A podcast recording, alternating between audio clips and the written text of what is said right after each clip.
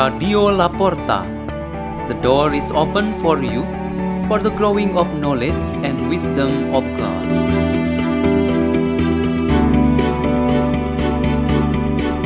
By Margareth Sembiring from St. Francis of Assisi Church, Singapore.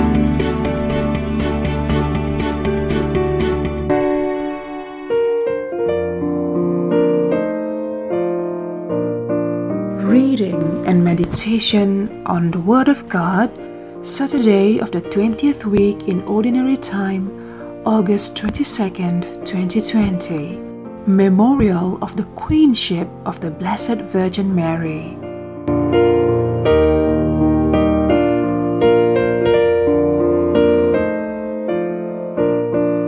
The reading is taken from the book of the prophet Ezekiel. The angel led me to the gate which faces the east, and there I saw the glory of the God of Israel coming from the east. I heard a sound like the roaring of many waters, and the earth shone with his glory. The vision was like that which I had seen when he came to destroy the city, and like that which I had seen by the river Chebar. I fell prone as the glory of the Lord entered the temple by way of the gate which faces the east. But Spirit lifted me up and brought me to the inner court.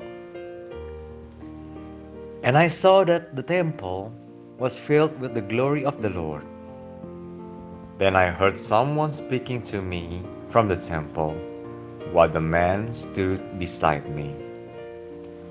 The voice said to me, Son of man, this is where my throne shall be. This is where I will set the soles of my feet. Here I will dwell among the children of Israel forever. The word of the Lord.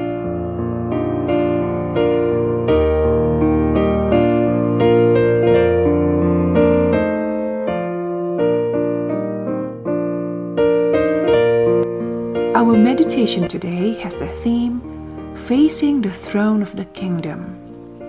Today, the whole church celebrates the memorial of the Queenship of the Blessed Virgin Mary. This celebration is one of the various devotions that we always offer to the Blessed Mother.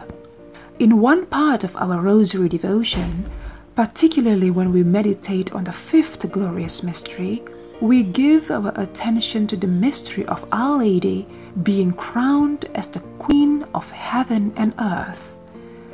The title Queenship of Mary defines the position that the Virgin Mary had assumed in participating in the kingship of Christ to rule over everything in heaven and on earth.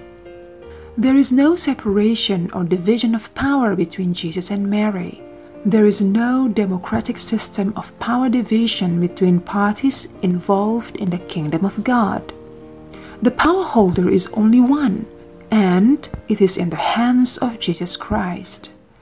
Mary, as the Blessed Mother, took part in it as the first human being to do this act. And then she will be followed by generations of people who walk towards the throne of this kingdom. They keep facing this throne because it is their final destination. Turning to Him on the throne means we give our trust, obedience, respect, and we are happy to follow this royal path. In his prophecy, the prophet Ezekiel found the glory of God inside the Temple of Jerusalem, and he was commanded by God to bring all devotions and adorations of the people of God to the throne of God's glory, which was the place the Lord had chosen to dwell forever among his people. Temples and places of worship are the throne of God's kingdom that appear physically to all of us, the believers. Our Lady, as the Queen of Heaven, remains the Queen of that throne of the same kingdom, from where she intercedes for us all the divine graces.